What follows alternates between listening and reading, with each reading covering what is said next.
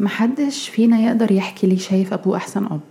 يمكن عشان الفطرة بتخلينا نحب أهالينا كده من الباب للطاق. مرة قريت post على فيسبوك لبنت بتحكي عن وفاة والدها ليه كانت مختلفة عن وفاة والدتها. وعبرت إنه مع وفاة الأب افتكرت كل خناقة ومناقشة ورزعة باب مع محاولة إثبات ذات. وقتها اتأثرت جدا بكلامها. والحقيقة أنا عمري ما وصلت المرحلة دي في علاقتي بوالدي لأنه توفى وأنا عندي 14 سنة.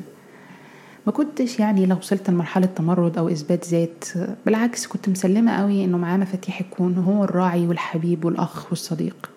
كان صاحبي وأنا كنت صاحبته. كوني كنت أول طفلة ليه وهو كان أول مرة يكون أب وهو عنده أربعين سنة. أنا بحكي دلوقتي بفتكر مشهد كنبة وأنا وهو وغنوة ودندنة وسؤال ساذج فضولي عشوائي مني في أي موضوع في الكون. صمت رهيب منه لأنه معندوش إجابة للسؤال. بيكمل غنى ودندنة وبعدين في لحظة يقطع كل ده ويقول لي أنا عارف إجابة سؤالك.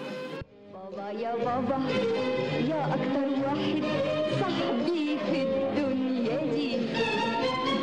صاحبي وبرضه سيادة الوالد وأبوس الأيادي بابا يا بابا يا أكتر واحد المميز إن عمره ما نسي سؤال سألته. الدرس اللي اتعلمته من وأنا صغيرة إنه مش لازم تعيش عمر كبير مع أولادك أو إنك تكون قضيت مع حد فترة كبيرة جدا في حياته عشان تعمل الأثر اللي هو محتاج يشوفه. أبويا اللي عاش معايا 14 سنة عمل أكبر أثر وأجمل حكاية ما كانتش محتاجة محاضرات ولا إنه يمشي معايا بالمشوار. هو أخدني الأول الطريق وبعدين رحلته انتهت وفضل أثره معلم جوايا.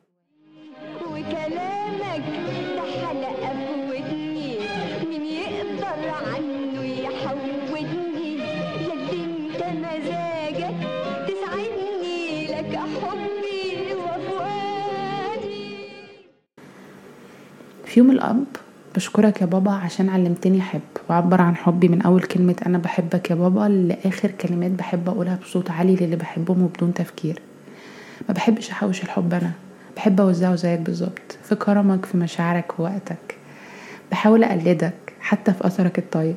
بنجح أوقات وأوقات تانية منكرش عليك مش بنجح. بس يعني المحاولات مستمرة. شكرا بابا إنك علمتني أقبل شكلي. مش قادرة أنسى المرات اللي أخدتني فيها من ورا ماما عشان تقصلي قصة جديدة حلوة وبعدين تعزمني على عصير في مكان جميل كأني صاحبتك. تحكي لي وتقولي أنتي الانسة مي حسستني إني حلوة مع إني مش أجمل بنت بس كان يكفي أشوفها في عيونك أنت. شكرا إنك علمتني أعبر عن نفسي. اهتمامك بإنك تشتري لي قصص وروايات وتشترك لي في مجلة أسبوعية مخصوص عشان أقراها كان جميل. والأجمل منه إنك حفزتني أكتب بعد ما أقرأ أنتج بعد ما أستهلك أكون فعل ورد فعل أتكلم حتى لو بالكتابة. أنا فاكرة إنك زمان سألتني كتير مي أنت بتقري كتير ليه مش بتكتبي؟ أنا حالا بكتب يا بابا. أخدت وقت كتير عشان أطلع اللي جوايا في كتابة. بس بكتب وبنتج وكان نفسي أخليك تقرأ ده. بس أكيد أنت شايف وحاسس. شكرا يا بابا إنك حاولت تخليني أقلل حكمي على الناس. مش هكدب عليك الموضوع صعب قوي بس أنت سهلت الطريق عليا. فهمتني إن الحياة معقدة والاختيارات مش دايما لازم تكون على المسطرة.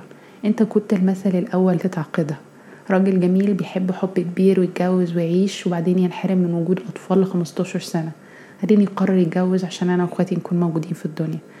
فضلت تحب زوجتك الأولى اللي علمتني إن هي أمي التانية وفهمتني إن الحب مش بإيد حد غير ربنا. أنا منكرش عليك الموضوع صعب قوي إني أفهمه وأقدره حتى دلوقتي بس أنا مقدرة إنك حطيتني على أول الطريق. شكرا إنك خدتني في رحلات كتير عبر الزمن. الحواديت اللي سمعتها لي زمان وأنا صغيرة كانت كافية تدفيني العمر كله. تاخدني كده من حكاية لحكاية وزمن لزمن. مرة تسمعني غنوة لأم كلثوم ومرة فريد الأطرش ومرة وردة. فاكر لما كنا بنغني سوا أغنية يا سلام على حبي وحبك؟ فاكر لما قريت لي سورة يوسف وفسرتها لي؟ فاكر لما حكيت لي عن أنبياء كتير؟ طب فاكر لما كنت بتاخدني وتمشيني حوالين العمارة تمشيها طويلة وبعدين تحكي لي عن أول يوم مدرسة وإزاي الجزمة بتاعتك كانت كبيرة عليك وبتلق في رجلك؟ فاكر لما كنت بتسألني أسئلة من نوع مين أكتر مدرس بتحبيه في المدرسة وإيه أكتر مادة بتحبيها وعايزة تبقي إيه لما تكبري؟ فاكر لما حكيت لك عن مدرسة العلوم اللي أنا بحبها وبقدرها ونفسي أبقى زيها لما أكبر؟ بالمناسبة جت عزتني فيك بعد وفاتك.